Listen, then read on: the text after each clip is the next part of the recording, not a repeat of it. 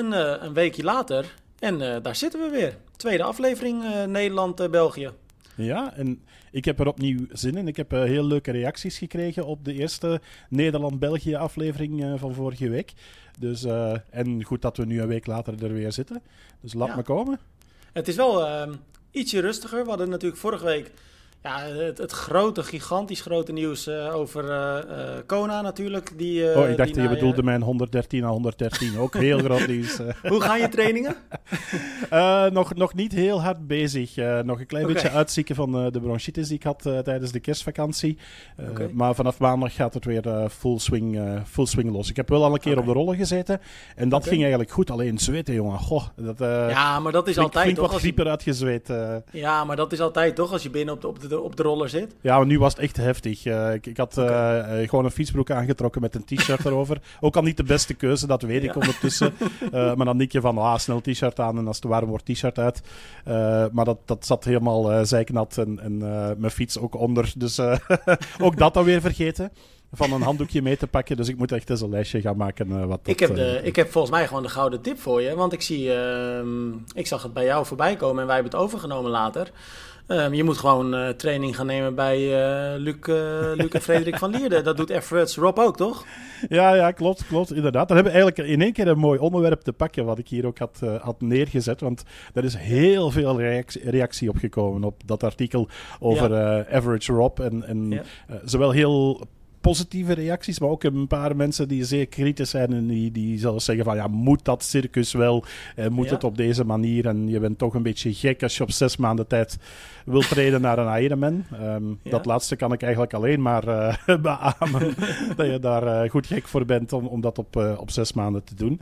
Is het duidelijk welke wedstrijd die gaan doen of niet? Nee, nee. Um, maar ik kan me ergens er iets bij voorstellen als Frederik van Lierde betrokken is en het gaat over zes maanden. Dan hebben we het eigenlijk in principe over juni, eind juni. Ja. En dan heb je Ironman Nice. En ja. dat natuurlijk, Frederik van Lierde is natuurlijk Mr. Nice. Dus het zou me niet verbazen als het niet zou worden. Wat het natuurlijk Grote nog een stukje zwaarder maakt voor die mannen. Want dat ja. is ja, toch geen parcours voor beginnelingen, zou ik zeggen. Wat vind jij ervan? Uh, want wat jij uh, net schetste, dat zag ik bij ons uh, ook. We zagen reacties voorbij komen van mensen die zeiden van... Ah, dit is echt superleuk dat hij dat gaat doen. Het is ook uh, uh, goed dat iemand die zoveel bekendheid heeft op YouTube, hè, gigantisch veel volgers. Um, ik zag dat dat filmpje nu al ruim 200.000 keer geloof ik bekeken was. Dus dat is goed voor de sport. Maar uh, wat jij net ook zei, er zijn ook mensen die zeggen van ja, weet je, ze hebben eigenlijk helemaal geen triathlonervaring. Gaan ze nu als een soort kippen zonder kop uh, ja, heel snel in zes maanden zich voorbereiden op zo'n gigantische uitdaging? Um, kijk, ik zou zeggen, het lijkt mij alleen maar hele mooie reclame voor de sport. Vind jij dat ook? Ja, helemaal mee eens. Ik bedoel, een YouTube-kanaal met 280.000 volgers. Ja, daar kunnen wij alleen maar van, uh, van dromen. Wij zitten op uh, iets meer dan 4.000 volgers op uh, Instagram. Average Rob die heeft er heel wat meer. Dus op zich is dat gewoon onbetaalbare reclame. En moeten we gewoon blij zijn ja. voor de sport dat, dat dit er is.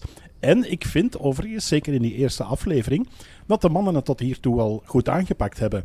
Bedoel, ze ja. zijn niet uh, wild eraan begonnen, wat hij eerder al wel eens heeft uh, gedaan. Want uh, een van de dingen dat de mensen wel moeten weten is dat Average Rob niet heel average is. Ik bedoel, hij stelt nee. zichzelf zo wel voor. Maar als je ziet wat hij ondertussen al gedaan heeft aan verschillende sporten die hij heeft leren kennen, hij heeft ook aanleg voor een aantal sporten. Dat blijkt ook uit de filmpjes. Ja. Maar ze zijn wel meteen uh, naar Energy Lab getrokken uh, voor een fietstest. Ze zijn bij de diëtisten langs geweest. Uh, ze zijn een zwemtest en een looptest gaan doen met Luc en met Frederik van Lierde. Dus ze pakken het wel redelijk goed aan, vind ik. Dus het is niet dat het een gek plan is dat op 1 januari ergens aan de toog geboren is. En dan ze zeggen van, nou, daar gaan we een beetje voor trainen. Ik heb wel de indruk dat hier een goed plan achter steekt. En misschien is Los dat ook daarvan. wel goed, en zeker ook in de toekomst, om die mannen te blijven volgen en te zien van wat voor opofferingen kost het ook allemaal om een Ironman te doen. Ook al is het op zes maanden. Ja, en los daarvan heb ik ook het idee dat, uh, wat jij zegt, veel aanleg voor verschillende sporten. Ik heb het idee dat hij hier ook best wel aanleg voor heeft. Want ik zag dan die, die zwemtest in die eerste aflevering. En hij zwemt, uit mijn hoofd gezegd, 1,08 op 100 meter. Uh, dat zijn tijden waar best wel weinig triatleten aankomen trouwens. Ja, ja effectief. effectief. Ja, Zijn broer, dat is nog een ander verhaal. uh, maar goed, dat maakt het dan ook weer net zo leuk natuurlijk. En die fun factor moet er bij die mannen zeker ook bij inzitten. Dus altijd met een knipoog en met veel uh, humor. maar hij heeft het een keer eerder gedaan, samen met Marten Varil, die hem toen de kneepjes heeft bijgebracht. En dat hij was een korte triathlon, Dat, dat was toen wel een, een sprint, maar als je dan keek ook naar de tips die hij meekreeg voor het wisselen en dergelijke, hij was er vrij snel mee weg. En je ziet ook van dat hij dat met een, een goede basisconditie doet. En uh, het is niet dat hij moet gaan wandelen als hij begint te lopen. Dat gaat best wel aan een stevig tempo. Ja. Nou, is het dan, uh, als ik dan zo een beetje denk aan jou 113, 113... Ja, eigenlijk, ja. Stelt dat niet, eigenlijk stelt dat niet zoveel meer voor. Nee, nee, dat had ik dan wel. Dan denk ik van, godverdomme man.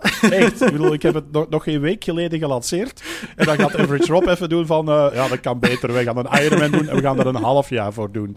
Dus, nou, ik uh, neem nog steeds mijn pet voor je hey, vorige week iets anders. Wij, wij bespraken vorige week met elkaar um, een beetje het verschil tussen Nederland en België. Het verschil tussen het topsportklimaat eigenlijk. En toen zei jij... Um, ja, we zijn eigenlijk we, we zijn wat breder hè, qua, België, qua Belgische toppers. Uh, nou, daar hebben we natuurlijk nog eventjes over doorgepraat. Toen bleek eigenlijk ook wel dat we nu een heel succesvol jaar uh, met de Nederlanders hebben. Nu is het zo dat uh, eergisteren de PTO de 2022 rankings online heeft gezet. Mm -hmm. Dus de top 100 mannen en top 100 vrouwen. En uh, ik moet zeggen, we hebben het goed gedaan als Nederland. Want we hebben vijf Nederlandse mannen in de top 100 en vier Nederlandse vrouwen. En dan noem ik ze gelijk eventjes op. We hebben bij de vrouwen Lotte Wilms op een 25e plaats. Els Visser 36e. Sarissa de Vries 48e. Didi Diederiks 54e. En dan hebben we bij de mannen Menno Koas 48e. Juri Keulen 61e. Niek Heldoorn 83e. Milan Brons 91e. En dan ook nog Tristan Olij 97e. Um, volgens mij zijn dat er meer dan België, of niet? Het, het zijn er meer, maar Pieter Hemerijk is wel hoger genoteerd. Hè? Dus uh, op, dat vlak, nee, op dat vlak is dat wel, uh, wel geweldig. Voor, uh, zeker voor Pieter, hè? want we hebben het vorige week ook over zijn op- en af seizoen, zijn seizoen met up en downs gehad. Mm -hmm. dat hij uiteindelijk het jaar dan op die manier afsluit. Ja, dat is toch wel knap, een achttiende plaats. Zeker. Um, en bij de mannen hebben we ook nog ja, Bart Arnouds op 68, uh, Pamphile Parijn op 72 en Christophe de Keizer op uh, 92. Bij de vrouwen alleen Alexandra Tondeur, um, mm -hmm. die ondanks twee tweede plaatsen op een Ironman in Zwitserland en in Nice toch maar op de 74ste plaats staat. Okay. Um, dus ik vind het knap dat er zoveel Nederlanders en België in die top 100 staan. Ik was me ook al de bedenking aan het maken van als dit in tennis is, dan is dat wereldnieuws. Dan zijn dit wereldtoppers die in aanmerking komen ja. voor de titel sportman of sportvrouw van het jaar. Ja. Um, in triathlon wordt dat een beetje als normaal uh, beschouwd, maar ik vind dat we daar toch af en toe wel eens mogen bij, uh, bij stilstaan. Dat in uh, een mondiale sport als triathlon wij het als kleinere landen zeer, goed, zeer goed doen. Maar tegelijkertijd, ik stel me toch ook nog wel de vraag bij hoe die world ranking wordt, uh, wordt opgemaakt. En blijkbaar de PTO overigens zelf ook, want dat hebben wij bij ja. ons ook nog toegevoegd. Ze werken aan een nieuwe berekening voor volgend jaar. Ja, en daar is al het een en ander over gezegd. En uh, nou ja, Hans, we kunnen volgens mij kort daarover zijn. Dat is ook wel hard nodig, hè? want we hebben ja. natuurlijk de afgelopen twee jaar dat de ranking uh, ja, steeds bekender werd, steeds groter werd best wel wat profatleten gehad. Uh, Frederik Funk is daar denk ik nog het allerbeste voorbeeld mm -hmm. van. Uh, die echt gigantisch veel kritiek hebben op die ranking. En ook wij als media die zo'n ranking ja, toch best wel aardig volgen het is gewoon best wel ondoorzichtig hoe dat nou allemaal gebaseerd wordt. Ja, klopt. klopt. Plus de, de percentages die worden toegepast van eh, best full distance uh, resultaat in het jaar. En dan best PTO Tour resultaat, waar je ja. dan extra percentages krijgt en dergelijke. Pieter staat op 16, omdat hij het twee keer goed gedaan heeft in de US Open en de Canadian Open. En daarnaast -hmm. heeft hij die tweede plaats in, uh, in Kalmar. Als je kijkt naar andere atleten die dan ook goede Ironman-resultaten uh, neerzetten, die staan dan achter Pieter, omdat hij het beter heeft gedaan in de PTO-tour. Dus dat was inderdaad ja. niet helemaal duidelijk. En ik vind het ook een beetje opvallend, um, om eigenlijk nog zacht uitgedrukt uh, opvallend, maar dat Anne Haug op één staat. Die heeft ja. geen enkele titel gepakt het afgelopen Klopt, jaar. En ook niet heel veel gereisd. Nee, nee.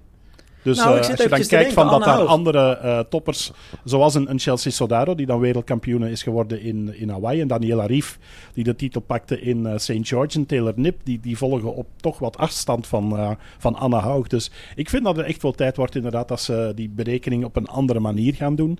Dus ik ben zeer benieuwd waar ze mee ze volgende maand gaan komen. Ja, maar ik moet je heel veel corrigeren, Hans. eh, want ik dacht eventjes dat je gelijk had. Maar Anne Haug heeft natuurlijk dit jaar wel een gigantisch grote wedstrijd gewonnen. Challenge Road. Ja, ja, klopt. Dus wat dat betreft ehm, eh, ben ik het nog steeds met je eens. Ze heeft niet heel veel gewonnen. Maar ze heeft wel een grote wedstrijd gewonnen. Ja. Ehm, maar wat ik... Wat, kijk, als ik bijvoorbeeld dan naar de Nederlanders kijk... en dan ehm eh, Niek Heldoorn pak... die staat dan... even kijken, pak ik het er nog een keer bij. 83ste. Kijk, hij heeft Challenge Malta gewonnen, als ik het uit mijn hoofd goed zeg. Hij is tweede geworden bij Challenge Almere. Hij heeft de Embrunman gewonnen. Hij is geloof ik tiende of zo geworden bij de Alpe d'Huez Triathlon. Mhm. Ehm, en dan zie ik toch wel wat jongens en mannen rondom hem staan... die eigenlijk veel minder van dat soort topklasseringen hebben. Dus ik vind, ja, het is heel gek hoe die ranking soms opgebouwd ja, is. Ja. Ja. Aan de andere kant, er moet ook wel een systeem voor zijn. Ehm, en ik vind het ook wel goed dat de PTO zegt... oké, het werkt nog niet helemaal, we blijven het verbeteren. Ja, ja. Ja, ik vind het goeie dat ze daar zelf ook wel naar kijken. Eh, want je hebt eh, de mogelijkheid om dat soort kritiek, en, en dat is vaak opbouwende kritiek, ook naast je neer te leggen en zeggen van ja, dit is het. Dus ik vind het wel knap van de PTO dat zij zeggen van nee, we gaan er een nieuwe berekening voor maken. We komen volgende maand met die, eh, die update. Lijkt mij ook nog goed op tijd, eh, want er zijn nog niet te veel wedstrijden in 2023. Ja, dan wordt het voor iedereen gewoon wat duidelijker. En, en het zou het zou vooral een stuk objectiever en transparanter moeten, zodanig dat je Ja. vooraf weet van eh, dit zijn topprestaties en dat levert je zoveel punten op in de ranking. Ja.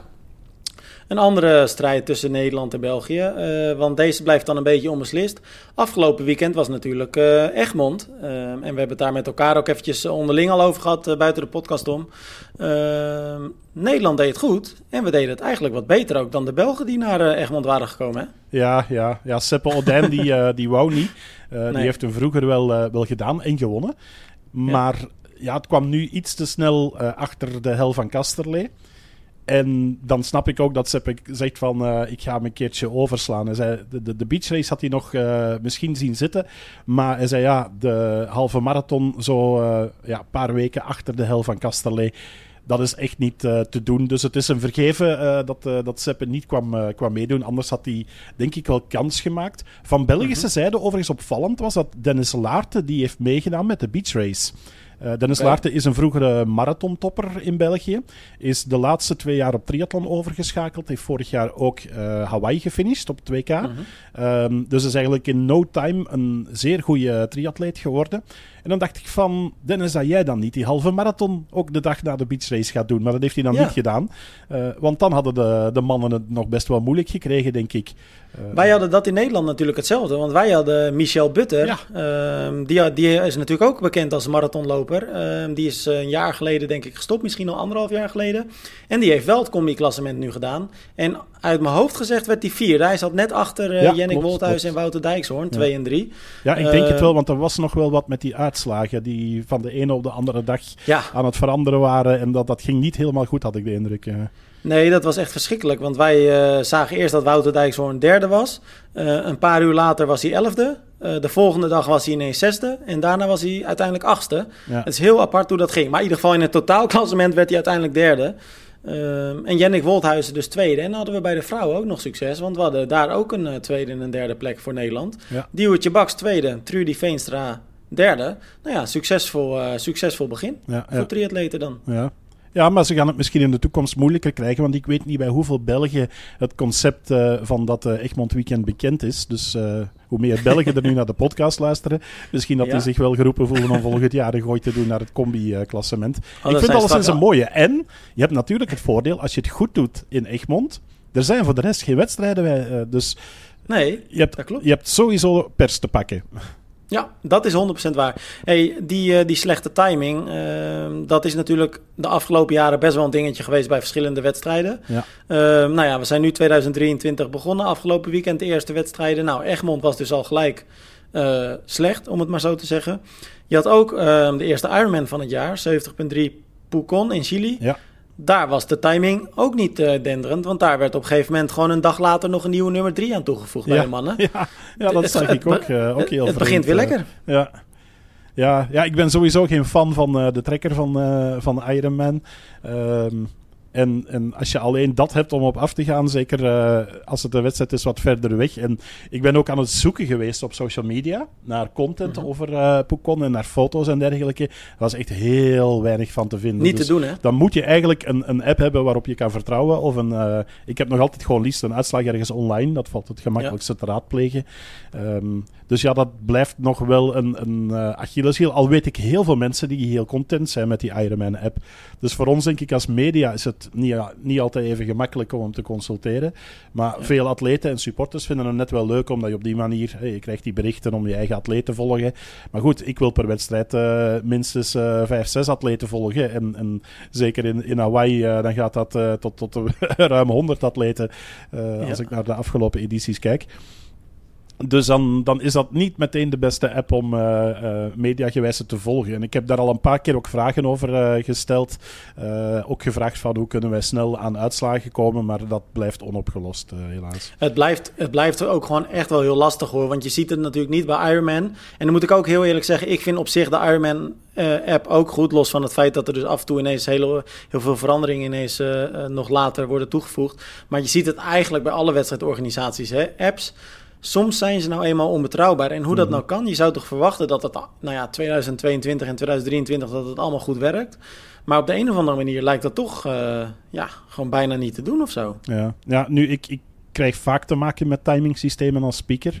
Uh, ik heb zowel mijn eigen favorieten ook uh, ertussen. En vaak zie je ook dat het staat of valt met de betrokkenheid van de timer. Die de sport ja. kent en de atleten kent. En die op een gegeven moment ook weet van... hé, hey, maar uh, die is als vijfde over de streep gekomen. Maar die staat hier niet tussen mijn eindklassement. Dan scheelt er iets. Um, ja. En dat heb je eigenlijk ook nodig. En als iemand gewoon een uitslag publiceert en zegt van ja, nee, dit is de uitslag. Uh, ja, maar ja, er missen er twee uit de top 10. Ja, uh, dit is de uitslag, zo is het geregistreerd. Ja, dan krijg je natuurlijk het andere verhaal. Ja. Hey, uh, je gaat uh, maandag je trainingen hervatten. Uh, heb je de trainingen van Joe Skipper ook gezien? Ja. Ga je ze overnemen of niet? Nee, toch maar niet. toch maar niet. ze dus, zijn zwaar, hè? Ze zijn krankzinnig, ja? Ja, ja, inderdaad, inderdaad. Ik zal ze even opnoemen voor de mensen die ze misschien niet gezien hebben. Want Joe Skipper, die heeft namelijk bij de podcast How They Train... Erg leuk trouwens is dat ook om te luisteren... Um, heeft hij ze drie zwaarste trainingen gedeeld... die hij deed in aanloop naar Kona afgelopen jaar. Nou, daar werd hij natuurlijk vijfde, dus dat is echt een superdag voor, uh, voor hem. Um, zijn zwaarste zwemtraining toen was um, eerst 1000 meter uh, gemixte warm-up. Daarna deed hij een main set, 5 keer 400 meter, iedere 6 minuten vertrekken. En daarna 10 keer 200 meter, iedere 3 minuten vertrekken. Nou ja, voor iedereen die wel eens in het zwembad ligt, ja. weet je gewoon hoe hard dat is. Uh, fietsen, 30 minuten easy. 5 keer 15 seconden op 500 tot 600 watt met 45 seconden herstel. Ik vraag me overigens keer... af bij, bij Joe Skipper wat easy dan wil zeggen. Ja, ja, precies. Dat vraag je dan ook nog af inderdaad. Uh, twee keer 30 seconden 540 watt met 30 seconden recovery. En dan deed hij nog 7 keer 3 minuten 420, 430 watt. 2 minuten 460 watt in een klim. En dan 5 minuten easy. En dan nog een kwartiertje uitrijden. Ja, en dan het lopen alsof het niks is. Uh, en dat deed hij ook nog eens na een fietstraining. Uh, twee kilometer rustig warming-up. Dan deed hij 10 kilometer in 32 minuten 46. En dan nog even twee, minuten, of twee kilometer uitlopen.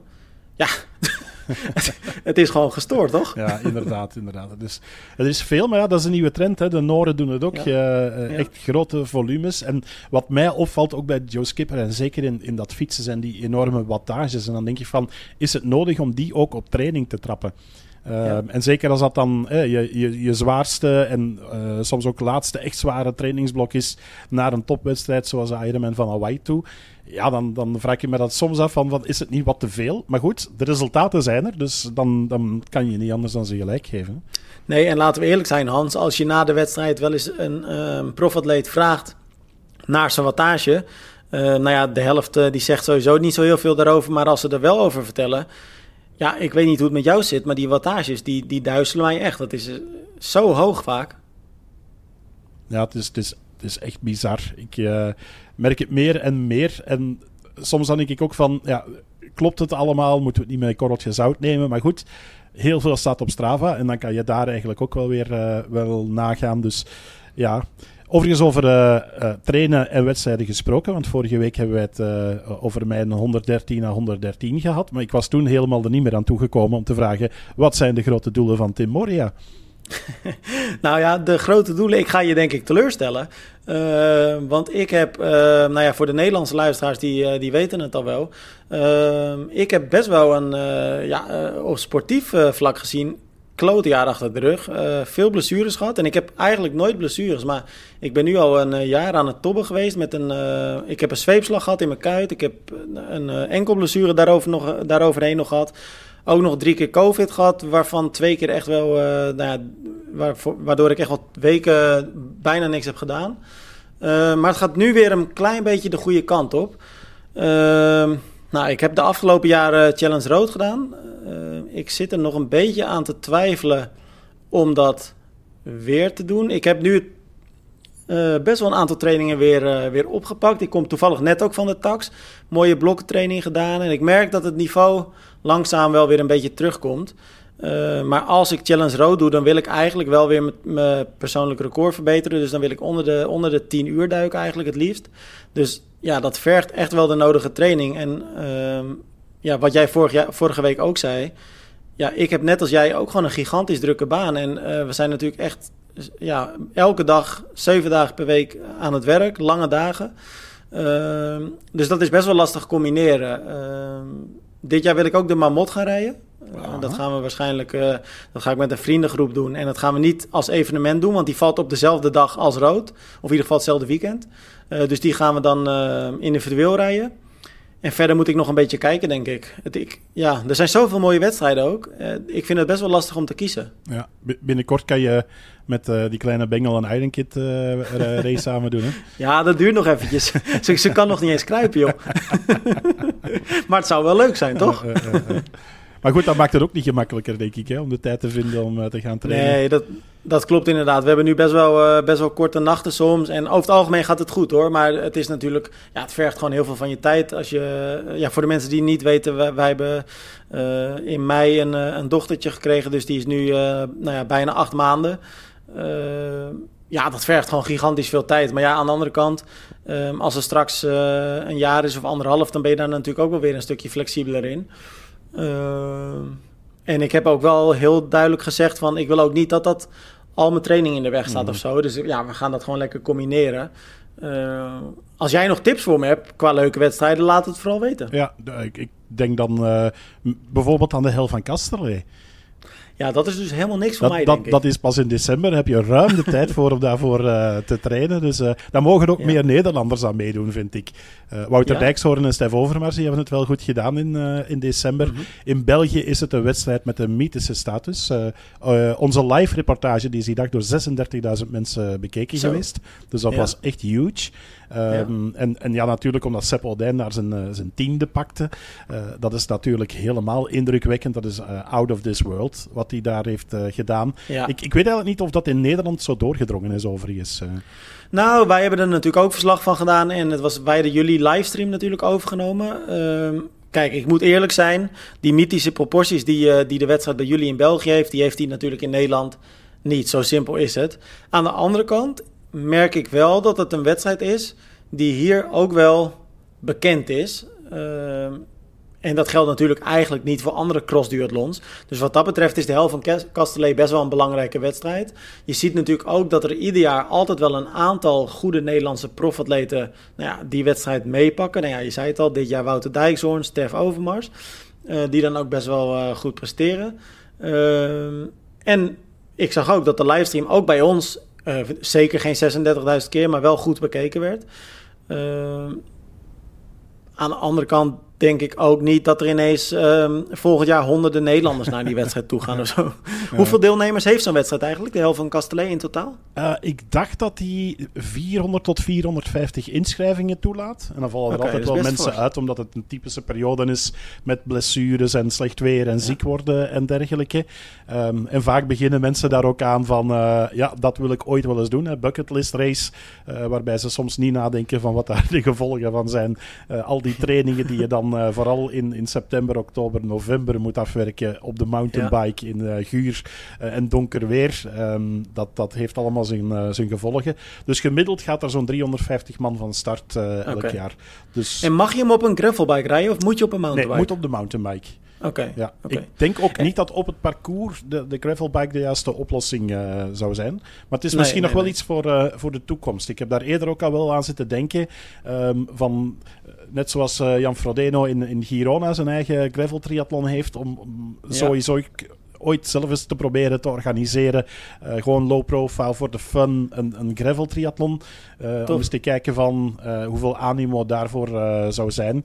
Ik weet alleen niet of het goed realiseerbaar is. Want je moet natuurlijk wel wat leuke parcoursen vinden en dergelijke. Uh, dan ook nog eens in de buurt van uh, een, een, mooie open waterplek, want dat hangt toch allemaal wel ja. samen. Uh, ik vind als je een gravel triathlon doet, dan moet je niet ergens gewoon in een betonnen kanaal nee, nee. komen gaan, gaan zwemmen. Dat past er niet bij. Dus, dan moet het een beetje dus, avontuur dus zijn. Hè? Het, het zou volgens mij ook iets zijn voor, voor Seppe Odijn, want ik weet niet hoe het staat met zijn bekendheid in, in Nederland. Ja, zo redelijk bekend hoor. Want bij ons heeft hij samen met Bobby Passen ook de Jogclub podcast, waarin ze verschillende sporters ontvangen. Uh, maar Seppe die doet naast triathlon en duathlon ook nog heel wat andere sporten. Hè. Hij is, is uh, ja. provinciaal kampioen uh, stiepel geweest. Ja. Daar pakt hij regelmatig mee uit. Dat is echt een hele leuke anekdote. maar ik zag van de week dat jullie in Nederland het NK Langlauf hadden. Met Nick Heldoorn ja. en Ian Pennekamp, die daarmee op het podium stonden twee dagen na elkaar. En ik dacht van ja, in België was dat Seppe geweest. In België had Seppe gewoon mee op het podium gestaan. Alleen, ja, wij hebben geen BK in een ander land. Uh, bij ons um, hebben we enkel een Belgisch kampioenschap langlopen als het gesneeuwd okay. heeft. Dus je moet ah, maar net okay. in vorm zijn als er genoeg sneeuw ligt uh, in de Hoge Venen of in de Ardennen. Uh, dan zou het kunnen doorgaan. Maar ik vond het wel een leuke. Um, want in Nederland het is natuurlijk is ook een sport in, in het, het, het is natuurlijk hè? ook een sport die heel veel triatleten doen hè, in de winter. Dat ze toch eventjes in de, in de bergen de, de latten onderbinden om, om wat alternatieve training te doen.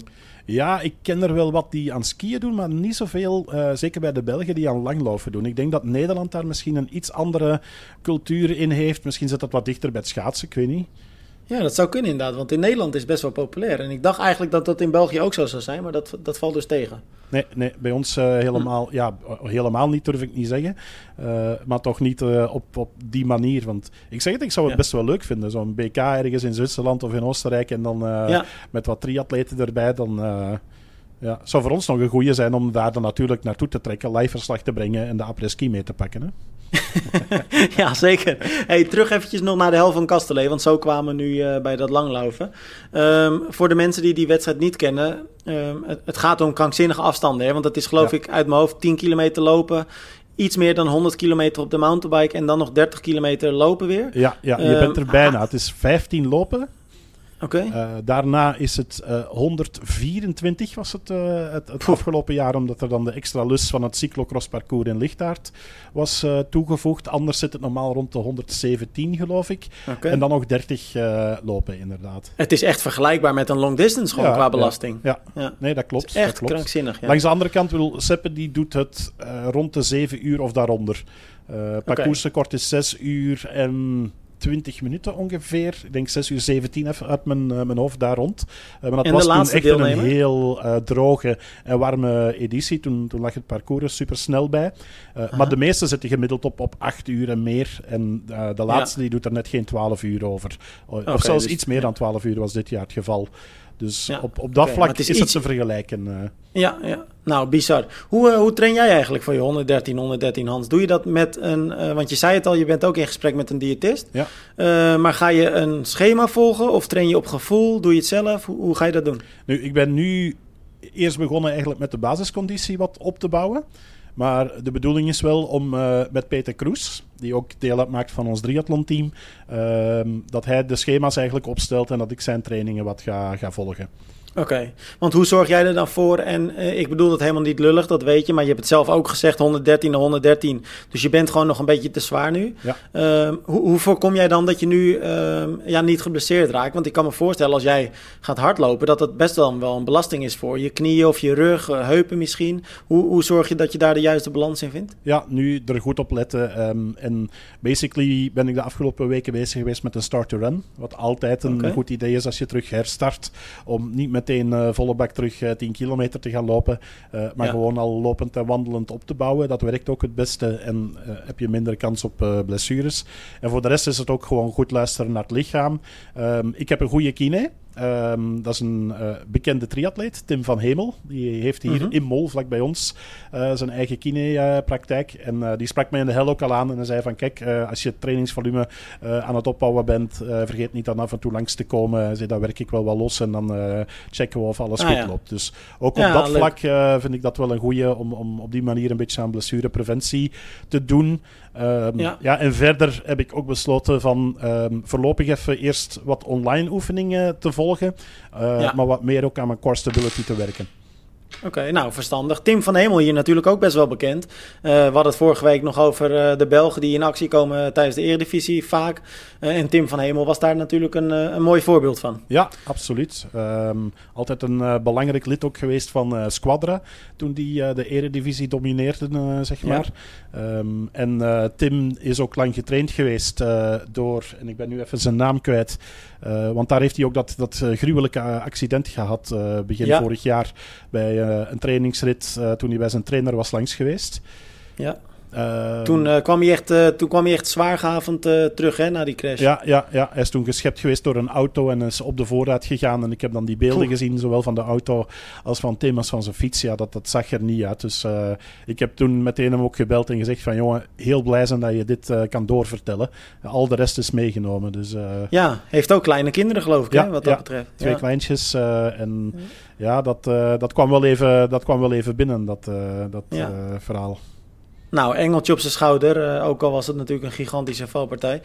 Uh, ik zei het in het begin van deze aflevering al, uh, er is best wel weinig nieuws. Voor Nederlanders is er nog wel, uh, nou, ik vind het best wel een heel bijzonder verhaal eigenlijk. En ik denk dat je het wel voorbij hebt zien komen misschien op onze website. Els Visser die heeft bekendgemaakt, Els Visser natuurlijk een van de meest succesvolle Nederlandse long-distance atletes van dit moment. heeft bekend met of bekendgemaakt met welke twee wedstrijden ze haar seizoen gaat aftrappen. Mm Challenge Wanneka, 18 februari en dan op 4 maart Ironman uh, eh, 70.3 Nieuw-Zeeland. Dus ze gaat down under, ver van huis natuurlijk. Maar eigenlijk veel, veel meer bijzonder vind ik wat ze daarna gaat doen. En um, ja, ik heb geen idee of dat verhaal eigenlijk in België ook heel erg bekend is.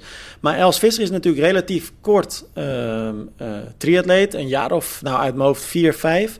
Um, en daarvoor heeft ze um, een gigantisch bootongeluk meegemaakt. Ken je dat verhaal? Ja, ik ken het verhaal zelf, maar ik denk niet dat er veel Belgen zijn die het verhaal kennen. Oké. Uh, dus goed, want, goed om is... dat even te kaderen. Ja, want dat is best wel uh, bizar. Els Visser uh, ging op vakantie in Indonesië. Um, nou ja, en wat doen veel toeristen in Indonesië en dat soort Aziatische landen? Die uh, doen van die ja, boottochten waarbij je dan verschillende eilanden afgaat. nou, Els Visser deed dat ook. Maar die boot die kwam op een gegeven moment uh, ja, in aanvaring met, ik geloof, een rots. Of in ieder geval, de boot deed niet meer. En uh, ja, hij maakte water, de boot. En ze zaten eigenlijk gewoon midden op de oceaan. En ehm, er was geen hulp, er was geen bereik met mobiele telefoons. En toen heeft Els Visser samen met een Nieuw-Zeelandse vrouw besloten om niet bij de boot te blijven. maar eigenlijk te gaan zwemmen richting een eiland wat ze heel erg in de verte zagen. Uh, nou, ze hebben acht uur lang in de oceaan gezwommen voor ze op het eiland aankwamen. Nou, acht uur is natuurlijk krankzinnig lang. Je weet ook niet wat, hè, haaien, wat daar allemaal zit. -hmm. Kwamen uiteindelijk op het onbewoonde, onbewoonde eiland aan. Hebben daar overleefd ehm, door onder andere hun eigen urine te drinken. Nou, dat is natuurlijk een krankzinnig verhaal. Uiteindelijk gered.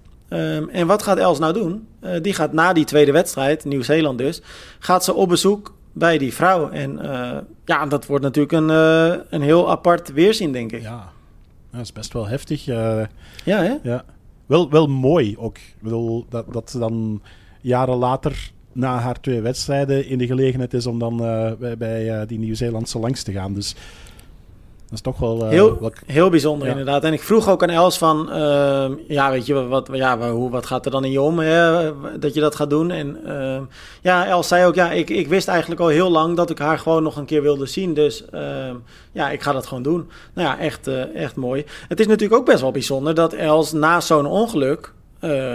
ja, dan triathlon gaat doen, waarbij je toch ook wel in het water ligt. En ik kan me voorstellen dat het echt wel herinneringen oproept. En dat zegt ze ook wel eens hoor, dat ze dat soms nog wel eens, uh, ja, dat het toch wel door de hoofd schiet. Ja, ik kan het me voorstellen, want acht uur lang in de, in de donkere oceaan zwemmen, zonder dat je weet of je het gaat halen, dat is Volgens mij kun je er gewoon geen voorstelling van maken eigenlijk. En wij maar klagen hè, als we 3,8 kilometer moeten zwemmen in, uh, in koud water. Ja, zo, nou ja, bij jullie nog bijzondere dingen of ook rustig? Ik, ik uh, vroeg mij overigens af, in het geval, was Els Visser niet degene die ook bij het P-wachtteam zou gaan?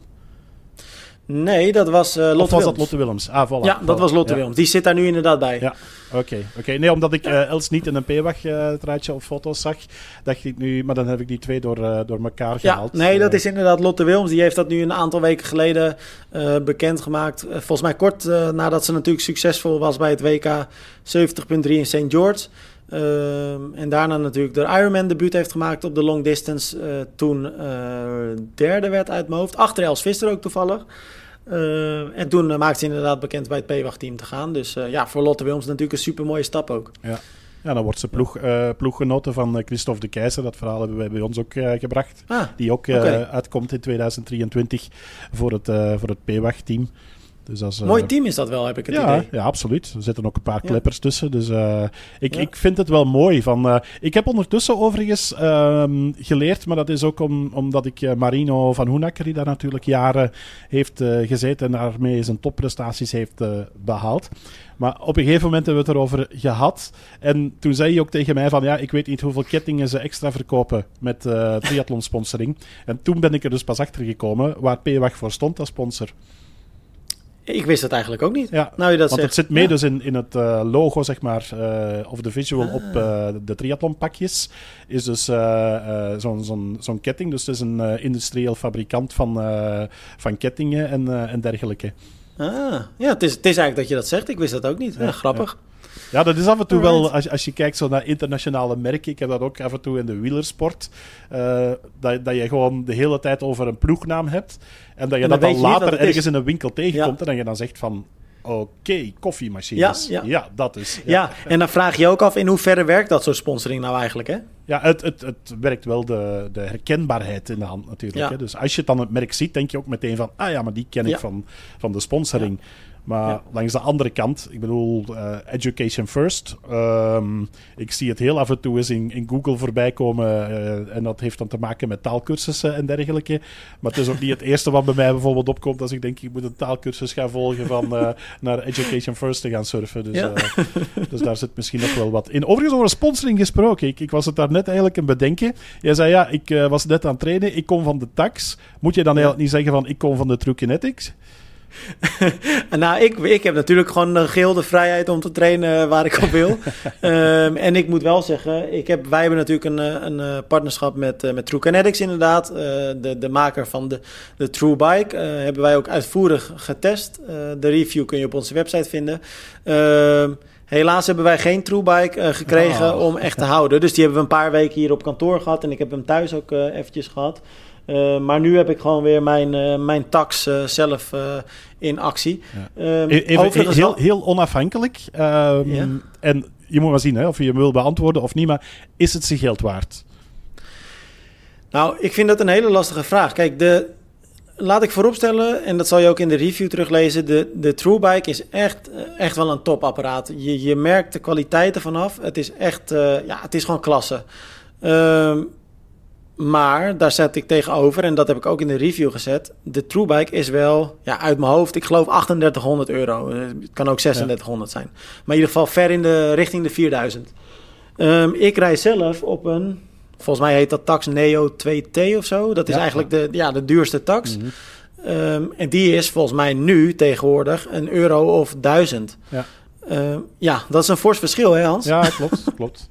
Nee, maar het was een bedenking die ik mij maakte. Want ik zag bij jullie ook uh, in, in december, denk ik, of in januari, die aanbieding bij uh, True Kinetics bij, bij aankoop van de True Bike met een flinke korting.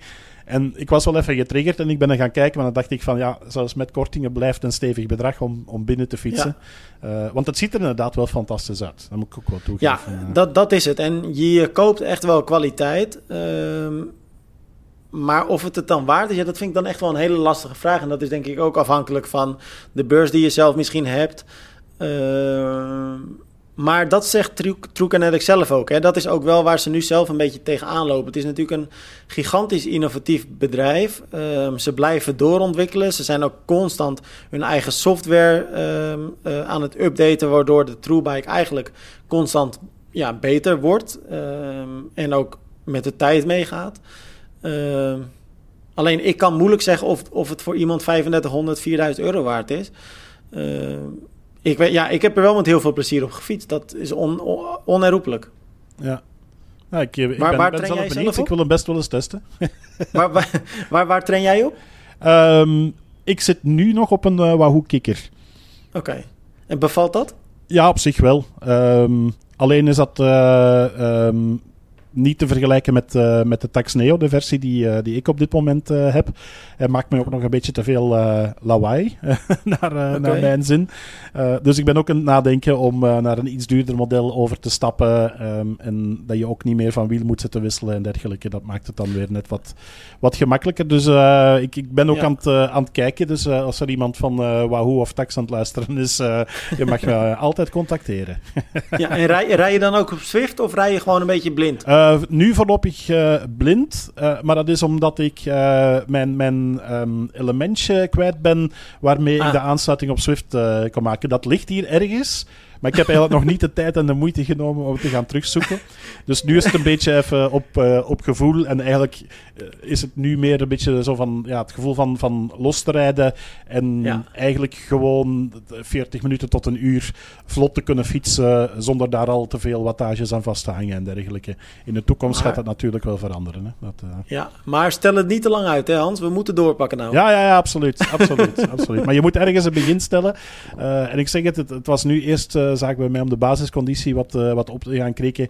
Um, het, het, het, heeft geen zin om meteen Alpe de West op te rijden. Uh, eerst nee. maar eens uh, een paar bruggen over het kanaal proberen, vind ik ja. dan. Nee, groot gelijk. En dat is precies wat je zegt. Je wil ook geen blessures oplopen. Dus nee, nee. Dat, is, dat is gewoon 100% waar. Ja. Nou, ik, ik had overigens nog een, een um, leuk onderwerp oh. gezien van, van de week. We hebben vorige week natuurlijk het erg gehad over Jan Frodeno en de reactie van ja. onze grote vriend Lionel Sanders erop van wat meer respect graag voor de GOAT van de triathlonsport. Mm -hmm. Ik zag een um, Instapost voorbij komen van World Triathlon. Um, en die vroegen zich af van, is Flora Duffy de GOAT? Met een vraagteken. Ah. En daar kwamen best ook wel wat reacties op.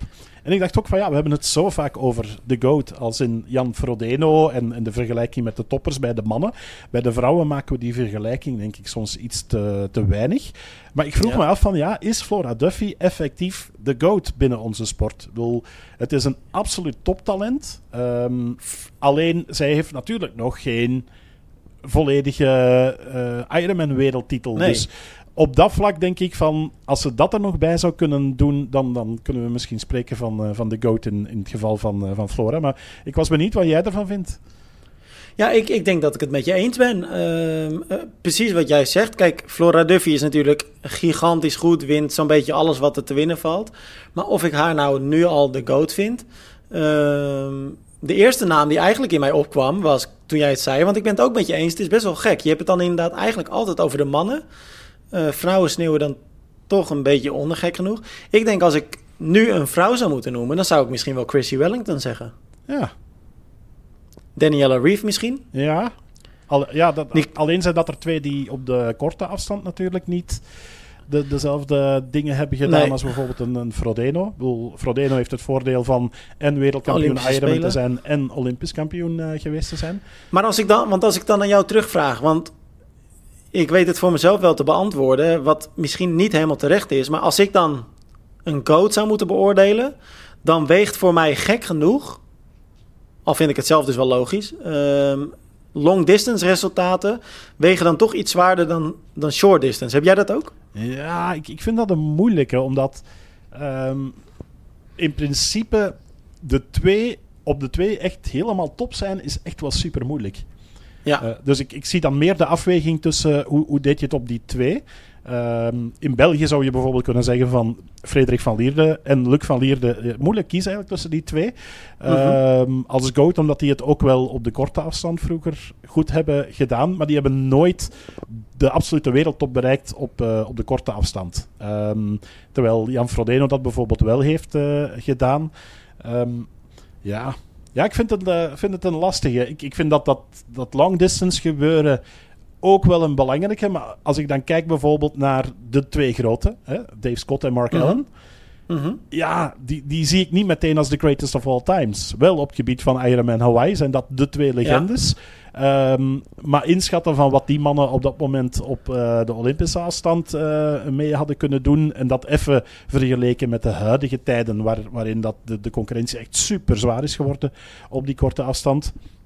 Ja, dan denk ik, dan, dan zijn dat wellicht niet the greatest of all times. Maar dat blijft. Welke vrouw zou jij dan moeten, welke vrouw zou jij dan kiezen als je er nu eentje moet zeggen? Goh, van, van de huidige generatie denk ik wel dat, dat ehm, Daniela Rief de meeste adelbrieven heeft. Ehm, Dus eh, langs de andere kant heb je natuurlijk ook een, een, ehm, een Gwen Jorgensen gehad. Die eh, had die niet op marathon overgegaan, volgens mij ook op long distance het eh, goed had gedaan. Ehm, maar ik denk uit, Spirig uit- wellicht. Als je door alle tijden heen kijkt, dan denk ik toch dat Natasha Badman daar bijvoorbeeld ook wel heel dichtbij Ja. komt. Die, die Ja. kon ook heel veel. Hè. Die heeft niet alleen Hawaii eh, meermaals gewonnen, die was ook goed in de Powerman in Zofingen, in andere races. Ehm, dus, dus multidisciplinair was Natasha Badman wel goed, alleen waren dat andere tijden, eh, minder competitie op dat moment, denk ik ook, hè, minder concurrenten. Eh, dus ik vind het een, een moeilijke, dus ja, Wat vind je van Spirig, Hans? Want eh, die heeft natuurlijk niet Hawaii gewonnen. Ja. Maar hij heeft wel zo'n beetje alle wedstrijden gewonnen. Lang en kort. Waar ze aan de start stond. Ja, klopt, klopt. En ik ben geweldig fan eh, geweest altijd van eh Nicola Spirig. Want die heeft mij een topmoment bezorgd toen ze in 2012 in Londen de Olympische titel pakte. Ja. Want die stond aan mijn micro twee weken eerder bij Ah, haar winst tof. in de 70.3 Ironman in Antwerpen. Dus dat was Leuk. wel een momentje. Ik heb in die spurt toen met Lisa Norden keihard zitten schreeuwen naar het scherm. Eh, want ik heb de mannenrace heb ik wel live meegemaakt in Londen. De vrouwen heb ik vanaf eh, de tv bekeken. Maar ik had zoiets van, dan kan ik tegen iedereen gaan zeggen van, ik heb een Olympische kampioen geïnterviewd Ja. Dus dat was wel, eh, wel top. En het is ook een heel toffe, toffe madame. Ehm, ik heb haar ooit een keer ook bij eh Zero D leren kennen. ehm, want zij is een tijdje ook de accountmanager voor Zero D geweest voor, voor Zwitserland. Ehm. Dus echt een heel aimabele dame ook, Nicola, heel down to earth. Ja, zij is een absolute topper. Alleen ja, zij heeft nooit eh, eh, die, die stap naar de volledige Ironman eh, echt gezet. Dus ehm, dat blijft dan wat achter. Dus eigenlijk moet Flora Duffy gewoon heel snel Ironman gaan doen en dan 2K in...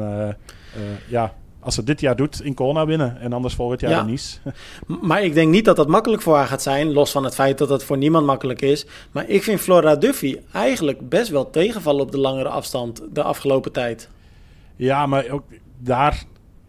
In, in hoeverre ligt dan de, de focus er en het, het, eh, het hele aspect ook van voedingsplan en dergelijke? Ja, maar als je naar het WK in St. George kijkt, ehm, dan ga ik ervan uit dat ze dat wel als volledige focus heeft gepakt. Ehm, en ja, dan wordt ze er plat gezegd best wel hard afgelopen op het laatst. Ja. ja, dat valt me dan tegen of zo. Terwijl ze op de korte afstand zo gigantisch dominant is. Mhm. En dan zou je ook nog zeggen, gezien haar leeftijd, die toch al wat hoger is, ehm, dan zou juist die langere afstand haar beter moeten liggen dan het korte. Ja. Maar op de een of andere manier is dat niet helemaal zo nog. Ja, ja ik, ik vind het ook een, een raar. Ik had ook meer van haar verwacht, moet ik zeggen, in, eh, in St. George. Dus ehm, ik, ik kan er het antwoord ook niet, niet direct op, eh, op verzinnen. Ehm, Nee. Ik weet wel natuurlijk dat ja, in, in de Olympische wedstrijden dat loopniveau zo hoog ligt. En als je aan eenzelfde tempo wil beginnen lopen op de langere afstand, ja, dan moet je denk ik eh Gustav Iden heten om dat eh, 42 kilometer vol te houden. Ja, ja, ja. Nee, dat is 100% waar. Nou ja, en uiteindelijk, ehm, Hans, wat, ja, we kunnen dan allemaal wel zeggen: Jan is de GOAT of wie dan ook ehm, is, de, is de greatest of all time. Uiteindelijk is het ook maar een titel, toch? En moeten mensen gewoon nog presteren naar, eh, naar wat ze kunnen. En alle titels die ze pakken, is dan, eh, is dan, ja, daar gaat het om, toch? Ja, klopt. Nee, daar ben ik het ook helemaal mee eens. Maar het is natuurlijk leuk, eh, ook voor de discussie. En, en dan wordt er Ja. weer gepraat. En, en heb je supporters eh, van de ene die zeggen van nee, maar dat kan helemaal niet. En, en men- zoals mensen nu ook zeggen van ja, is Bloemenveld dan niet de GOAT? Want als je kijkt naar Olympische titel en wereldtitels. maar goed, Jan heeft natuurlijk een iets indrukwekkendere carrière ondertussen gehad. Dus Ja. ja. ja, laten we maar zien. Het, het kan zijn dat een van die Noren overneemt de komende jaren. Ehm, we, gaan het, we gaan het wel zien, denk ik. eh. Het is wat dat betreft een interessante tijd om de sport te volgen in ieder geval. Absoluut, absoluut. En ook de vrouwen. Dus eh, bij deze massale ja, 100%. oproep eh, aan iedereen, gewoon ook die vrouwen blijven volgen. We hebben het Ja, veel te vaak over absoluut. de mannen. Ja, zeker. Nou, Hans, laten we hem daarmee afsluiten. Deze tweede aflevering die we met elkaar gemaakt hebben. En dan, nou ja, dit weekend hoeven we niet veel te volgen, want er zijn wel geteld nul wedstrijden. Ja. Of tenminste, zijn er nog lokale wedstrijden in België of niet? Nou, wij hebben um, de Hageland Trail in okay. Holsbeek. Daar doen jaarlijks ook wel wat uh, triatleten aan mee. Uh, dus dat is altijd wel leuk om te volgen. Daar gaan we ook wel verslag van uitbrengen. Alleen wordt dat een aparte. Um, want om ja, parkeertechnische en verkeerstechnische uh, redenen is er een race in de ochtend en een race in de namiddag over dezelfde oh. afstanden. Oh. Dus eigenlijk wordt pas avonds het eindklassement opgemaakt. Ah. Um, en dat wordt misschien wel mooi om te zien van zijn het degenen die vroeg zijn opgestaan of degenen die uitgeslapen zijn die het snelste zijn. Dat, uh, ja, dat ook afhankelijk van wat het weer misschien nog Ja, voilà, dat kan ook nog helemaal omdraaien. Nu, het is hier al de hele tijd aan het regenen geweest uh, de afgelopen dagen. Okay. Um, en het ligt er bijzonder nat en glad bij, heb ik me laten vertellen. Dus het zal sowieso uh, een loodzware trail worden. Um, ja. Dus wel iets om naar, naar uit te kijken. Maar op triathlonvlak inderdaad is het bijzonder rustig. Ik denk ook niet dat wij een run en bike hebben. Die hebben we wel vorig weekend gehad in Vilvoorde. Ook geen gemakkelijke. Die werd overigens uh, gewonnen door uh, Pierre Balti en Fabrice van Espen. En die deden dat in, ik dacht, 34-25. Uh, of nee, oh, uh, aan, aan 3 minuten 25 die kilometer, zo was het. Want het was 16 kilometer. Ik weet niet meer precies van ja, buiten de eindtijd. Dat is hard hoor. Uh, maar dat is best wel hard. En dat op een, een onverhard parcours. En, ja. Ehm, op zich is het best wel leuk. We zien het meer en meer in België opduiken de discipline run en bike. Ik weet niet of dat het in Nederland heel bekend is, maar de bedoeling is dus ja, dat je. Uh, met z'n tweeën de wedstrijd afwerkt en je pakt één mountainbike mee. En je mag dan onderweg ja. zoveel wisselen als dat je wil. Uh, ja. En bij ons is dat uh, de laatste tijd wel heel veel aan populariteit aan het winnen. En zien we in de winterperiode Leuk. steeds meer van die, van die wedstrijden opduiken. Dus op zich is dat nog wel een goede om, uh, om ook wat anders te trainen. Um, ja, ik zie hier net dat uh, 14 juni, zaterdag, is er eentje in, in Jurbize in, okay. in Wallonië. Dus... Nou, voor de Belgen die dan uh, heel erg geïnteresseerd zijn in dat concept, heb ik nog wel een leuke tip uh, om dan eventueel Nederland uh, mee te pakken. Ik moet eventjes de naam schuldig blijven, want dat, kom me even, dat schiet me eventjes niet te binnen. Maar als je het googelt, ga je het gelijk vinden. Um, je hebt in Nederland een wedstrijd waarbij je hetzelfde concept volgt. Oh ja, de West Coast Challenge heet het. En daarbij uh, ren je eigenlijk de volledige westkust van Nederland af. Dat is een kilometer of 130, geloof ik. en dan kun je ook met z'n tweeën uh, nou ja, lopen en fietsen. En dat kun je dus, dus uh, naargelang dat je het zelf wil wisselen. Um, ja, 130 kilometer, dus dat is krankzinnig. Maar het is natuurlijk ook heel erg gaaf. En volgens mij kun je ook de helft doen. Dus dan was het geloof ik 65 oh, kilometer. ja, appeltje. ja, die, zullen wij die samen doen dan? Ja, ja is goed. Is goed ja. hey Hans, uh, uh, geniet van het weekend dan zou ik zeggen. En dan, uh, nou, dan spreken we elkaar volgende week gewoon weer met de podcast. Absoluut, alright. Hans, thanks. We spreken elkaar. Hoi. Yo. Ja, cool.